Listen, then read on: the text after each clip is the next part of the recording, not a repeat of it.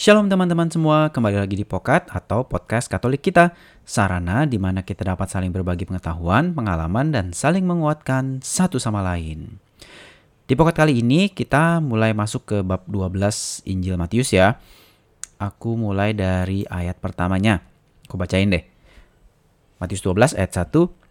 Pada waktu itu, pada saat pada hari Sabat, Yesus berjalan di ladang gandum. Karena lapar, murid-muridnya memetik bulir gandum dan memakannya. Nah, mungkin teman-teman ada yang pernah berpikir pas baca ini.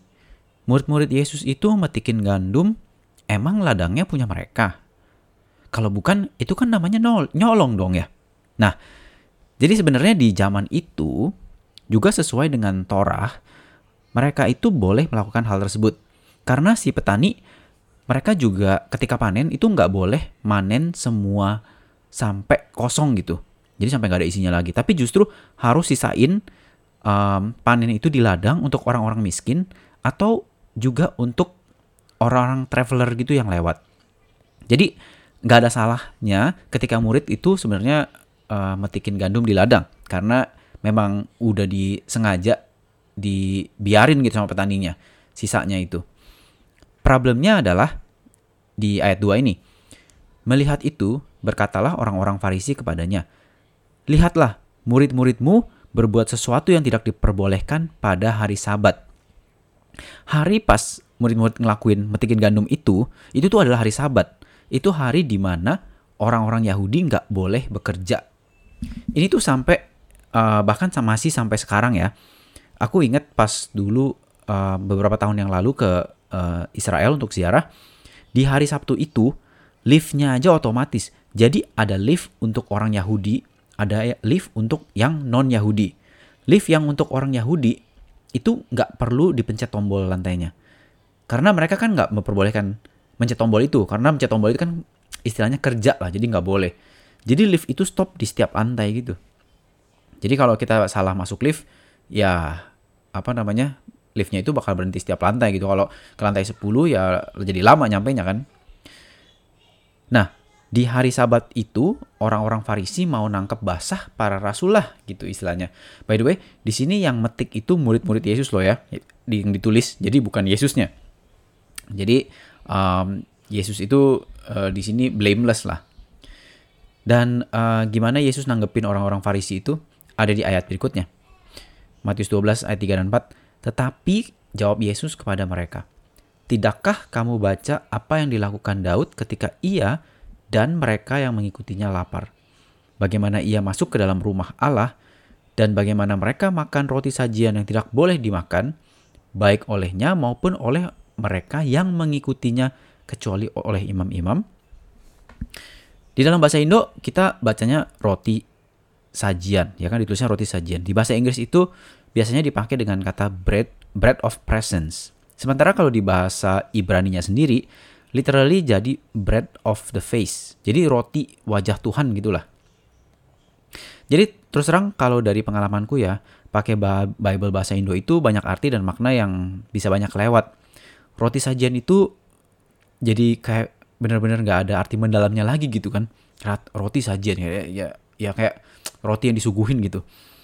Jadi di pocket itu aku mau coba mix kalau ambil quotation dari Bible-nya uh, Inggris dan Indo. Kalau ada kira-kira yang lebih jelas di Inggris ya aku kan coba jelasin pakai Bible bahasa Inggris lah. Balik lagi ke perkataan Yesus tadi ya. Jadi di sini untuk ngerti ini kita harus balik lagi ke perjanjian lama. Ke Second Samuel di mana Daud dikasih tahu Jonathan kalau dia itu mau dibunuh. Terus dia kabur lah. Terus dia kabur kan nggak bawa makanan ya lapar lah dia dan beserta pengikutnya itu lapar. Terus minta makan di temple gitu ya. Jadi by the way, bread of presence ini atau bread of uh, face of God ini ini adalah roti yang disiapin dan dibikin setiap harinya. Jadi bahkan di sabat itu dibikin fresh gitu ya. Jumlahnya 12 loaf, represent 12 suku Israel. Ditaruhnya tuh di tabernakel waktu zaman Musa, terus nantinya di bait Allah. Dan uh, roti ini cuma boleh dimakan sama priest ya, sama imam. Nah, jadi kalau kalian uh, notice bahkan di hari Sabat pun ada exceptionnya. Jadi priest-priest itu boleh kerja for the Sabbath provisions. Jadi diperbolehkan gitu ya.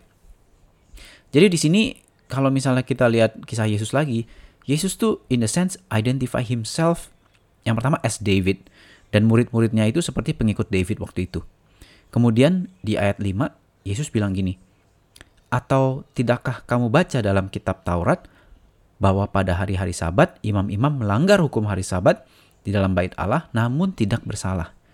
Dengan kata lain, Yesus mau bilang murid-murid itu nggak bersalah karena mereka melakukan priestly work. Wait, what? Priest? Emang murid-muridnya Yesus priest? Terus Yesus nambahin lagi di ayat berikutnya nih. Ayat 6. Aku berkata kepadamu, di sini ada yang melebihi bait Allah.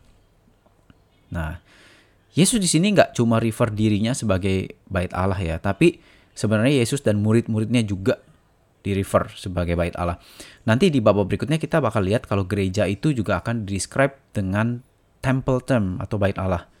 Tapi itu untuk pokok-pokok nanti deh ya. Nah, untuk seseorang bilang di sini ada yang lebih dari bait Allah dan Yesus bilang anak manusia adalah Tuhan atas hari Sabat. Anak manusia di sini Baik lagi kalau kalian ingat uh, ini bukan title biasa ya. Kita ingat lagi di Daniel uh, bab 7 figur divinity.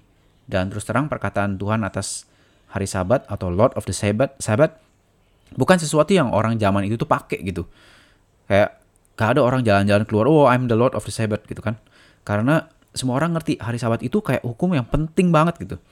Tapi dengan begitu, Yesus udah nunjukin divinity dia di, lagi di sini. Di sini Yesus ngasih illusion lagi kalau dia itu the new David. Nah, jadi um, kalau kita lihat kisah Daud lagi ya, balik lagi nih, dia kan bukan priest, tapi dia itu banyak ngelakuin hal-hal yang harusnya cuma dilakuin atau cuma boleh dilakuin oleh priest. Contohnya, Daud itu over sacrifice. Padahal yang over sacrifice itu, yang boleh over sacrifice itu cuma priest. Terus kisah yang tadi kita ketemuin, Daud makan bread of the presence yang cuma boleh dimakan oleh priest. Terus kita juga tahu kalau Daud yang desain bait Allah, desain temple. Dia dia nggak bangun ya, dia bukan yang nggak bangun tapi dia yang ngedesain bait Allah. Dia yang kasih tahu priest itu harus ngapain ngapain ngapain. Dia yang bikin lagu buat di temple, buat di bait Allah. Terus kita tahu dari Mazmur 110 ayat 4 yang tertulis gini, Tuhan telah bersumpah dan ia tidak akan menyesal. Engkau adalah imam untuk selama-lamanya menurut Melkisedek. Nah, ditulis lagi ya. Jadi kalau kalian uh, dengar tadi Mazmur 110 eh, ayat 4, kalian pasti kan bingung. Wait a minute. David is not a priest. David is not even a Levi. Dia kan bukan orang Lewi, dia kan keturunan uh, suku Judah, ya kan? Kayak Yesus kan dari tribe of Judah gitu. Kok dia bisa dibilang priest? Nah, jadi untuk Daud, atas obedience dia, dia itu dikasih something special.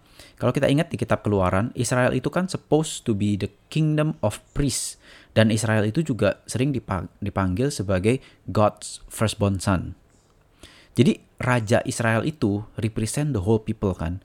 Apa yang seharusnya terjadi di bangsa Israel itu terjadi di rajanya, di Daud. Tapi di dalam saat itu, itu cuma Daud sendiri. Nanti lewat Yesus, the true king of Israel, dia akan um, mengubah semuanya sehingga semua orang akan bisa menjalani priestly role seperti yang sudah di Tuhan inginkan uh, atas bangsa Israel.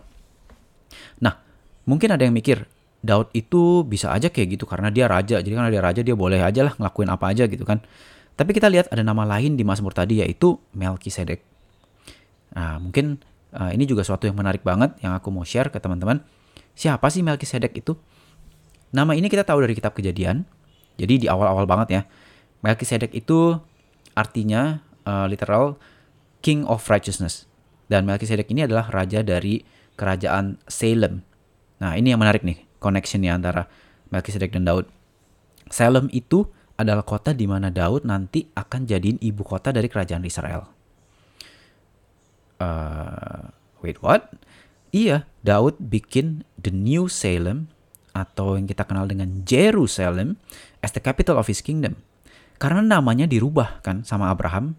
Jadi Jerusalem itu dari Ancient Kingdom of Salem yang dulunya itu ada priest king yang namanya Melkisedek. Dan satu lagi yang uh, benar-benar menarik, apa kalau kalian ingat apa sih yang di offer sebagai sacrifice oleh Melkisedek sebagai imam? Bukan animal sacrifice yang kita sering dengar, kita sering baca, kita sering kenal dari perjanjian lama. Enggak, Melkisedek itu dulu offer sacrifice itu adalah dalam bentuk bread and wine. Makanya um, Fathers of the Church itu lihat ini relate Jesus as the king and priest in the order of Melchizedek. Kalian gak sih koneksinya antara Daud, Yesus, dan Melchizedek? Ketiga figur yang istilahnya sebenarnya hidupnya tuh benar-benar jarak hidupnya tuh jauh dari satu dan yang lain gitu. Oke, okay, um, kita lanjut ya. Satu hal lagi yang menarik yang aku mau share di bab 12 ini. Um, nah ini nih Kisah Yesus nyembuhin seseorang yang tangannya udah mati. Atau kalau di bahasa Inggrisnya ditulisnya withered. Matius 12 ayat 10 dan ayat 13. Di situ ada seseorang yang mati sebelah tangannya. Terus Yesus berkata kepada orang itu, ulurkanlah tanganmu. Dan ia mengulurkannya, maka pulihlah tangannya itu. Dan menjadi sehat seperti tangannya yang lain. Di sini menarik banget uh, buat aku. Uh, karena apa? Karena Yesus tuh nyembuhinnya nggak nggak pegang-pegang gitu tangannya nggak dipijit-pijit dulu atau nggak dikasih obat dulu atau apalah gitu. Tapi Yesus malah nyuruh he gives command. Suruhannya Yesus tuh apa? Suruh ulurin tangannya. Sesuatu yang orang itu nggak bisa lakuin seumur hidupnya gitu atau dan apa namanya? Uh, tangannya kan udah mati gitu ya kering gitu mati. Teman-teman bisa bayangin nggak sih? Kalau misalnya ya anggapannya gini teman-teman belajar naik sepeda terus jatuh berkali-kali sampai akhirnya teman-teman nyerah. Udahlah, gue nggak bisa naik sepeda. Teman-teman inget terus tuh berkali-kali uh, jatuh gimana rasanya sakit dan berulang-ulang. Nah, kalau misalnya sebulan kemudian setelah kalian give up, ada yang bilang, eh, yuk naik sepeda yuk. Reaksi kalian apa? Pasti ada keraguan yang besar kan? Pasti yang, hah? Enggak lah, gue nggak bisa naik sepeda. Gue udah coba berkali-kali, jatuh terus bro. Gak bisa. Sama kayak orang yang tangannya mati itu. Ketika dia dengar Yesus bilang, ulurkanlah tanganmu. Dia punya dua pilihan. Dia bisa bilang, Yesus gak bisa lah, tangan udah begini mana bisa. I know it won't work. Atau dia bisa percaya sama omongan Yesus and obey his command. Begitu juga dalam kehidupan kita sehari-hari, ketika Yesus kasih kita sesuatu yang kita anggap ah nggak mungkin gue bisa jalanin lah. Apa yang kita lakuin? Apakah kita bakal bilang udahlah nggak bisa Tuhan gue nyerah aja. Atau kita bakal coba seperti orang sakit itu kita percaya akan uh, apa yang Tuhan bilang. Ada satu perkataan Saint Augustine yang menarik banget tentang ini. Dia bilang gini if God commands something then he will give the grace to obey it. Jadi ketika kita obey God, kita full kita punya full trust on him, his grace will flow and empower us to do what we thought we could never able to do.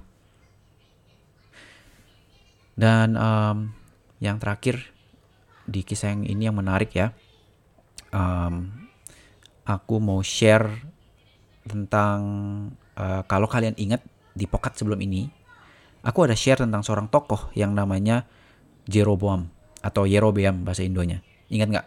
Kalau nggak ingat, mungkin kalian bisa dengar lagi di pokat uh, part 12 yang sebelum ini. Nah, si Jeroboam ini kan leader dari 10 suku yang misah itu ya. Jadi, waktu dia misah itu, dia ada bikin dua shrines baru atau dua tempel baru untuk penyembahan. Tapi bukan ke Allah Israel, malah bikin golden calf buat disembah. Um, nggak tahu sih nggak tahu serius kenapa mereka itu suka banget sama golden calf gitu ya. Kenapa nggak golden goat atau apalah yang lain gitu. Um, anyway terus di uh, kalau kita ingat di satu raja-raja dua bab 13 itu ceritain tentang Yeroboam yang lagi berdiri di atas mesbah sambil bakar korban buat si golden calf ini. Terus ada seorang abdi Allah curang profet datang ke battle jadi salah satu tempatnya itu di battle Terus di ayat kedua Lalu atas perintah Tuhan berserulah, berserulah orang itu terhadap mesbah itu katanya. Hai mesbah, hai mesbah. Beginilah firman Tuhan. Bahwasanya seorang anak akan lahir dari keluarga Daud. Yosia namanya, ia akan menyembelih di atasmu imam-imam bukit pengorbanan yang membakar korban di atasmu dan juga tulang-tulang manusia akan dibakar di atasmu. Pada waktu itu, juga ia memberitahukan suatu tanda ajaib katanya. Inilah tanda ajaib bahwa Tuhan telah berfirman bahwasanya mesbah itu akan pecah sehingga tercurah abu di atasnya. Jadi ada uh, seorang profet gitu ya dari uh, Allah Israel yang bilang ya pokoknya ngasih tahu lah ah, ini ini pokoknya nggak bener nih akan terjadi. Nah Jeroboam mendengarkan. Habis itu dia bilang, dia mengulurkan tangannya terus dia bilang, tangkap tuh orang, tangkaplah dia. Tahu nggak teman-teman apa yang terjadi habis itu?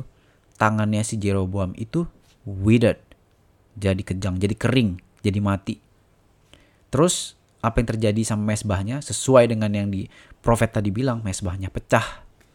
Yang tadi udah dikasih tahu di ayat ketiga. Nah, kejadian ini diingat loh sama orang-orang Israel sampai dimention juga di Mazmur 137.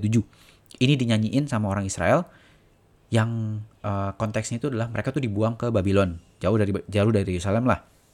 Mazmur 137 ayat 4 dan 5 bunyinya begini. Bagaimanakah kita menyanyikan nyanyian Tuhan di negeri asing? Jika aku melupakan engkau, hai Yerusalem, biarlah menjadi kering tangan kananku.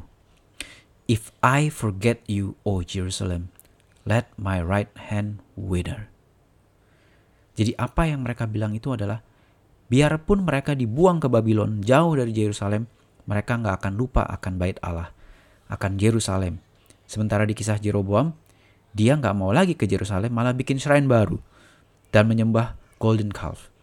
Jadi dengan kata lain, orang Israel di Babylon itu mau bilang, kalau mereka lupa akan God of Jerusalem, akan Allah Israel seperti Jeroboam, biarlah tangan kananku kering. Let my right hand wither. Balik lagi ke kisah Yesus, ada orang yang tangannya withered. Teman-teman sekarang sekarang pasti udah bisa ngeh, bisa relate kan ini tuh menyimbolkan apa. Terus jangan lupa juga, aku juga udah mention di pokat berikutnya, mereka ini sekarang posisinya ada di Galilea, tempat di mana 10 suku Israel yang pecah dulu itu. Ketika Yesus heal the person with the withered hand, Yesus tuh nunjukin, nyimbolin, dia itu mau mempersatukan lagi kedua belas suku Israel. Kutukan tangan Jeroboam yang jadi kering, jadi withered itu disembuhkan oleh Yesus, diangkat oleh Yesus. Jadi buat mereka umat Israel yang ingat akan Mazmur tadi itu, mereka tahu apa withered hand itu, withered hand itu menyimbolkan apa. Dan ketika mereka lihat Yesus itu menyembuhkan the withered, the person with the withered hand, mereka tahu atau mereka pasti dapat hint yang Yesus mau sampaikan ketika Yesus mau bring the whole Israel to become one again. Sampai sini dulu pokat kali ini. Aku tunggu feedbacknya di DM instaku ya, at wardi.pio.jerat. Thank you for listening and God bless you all.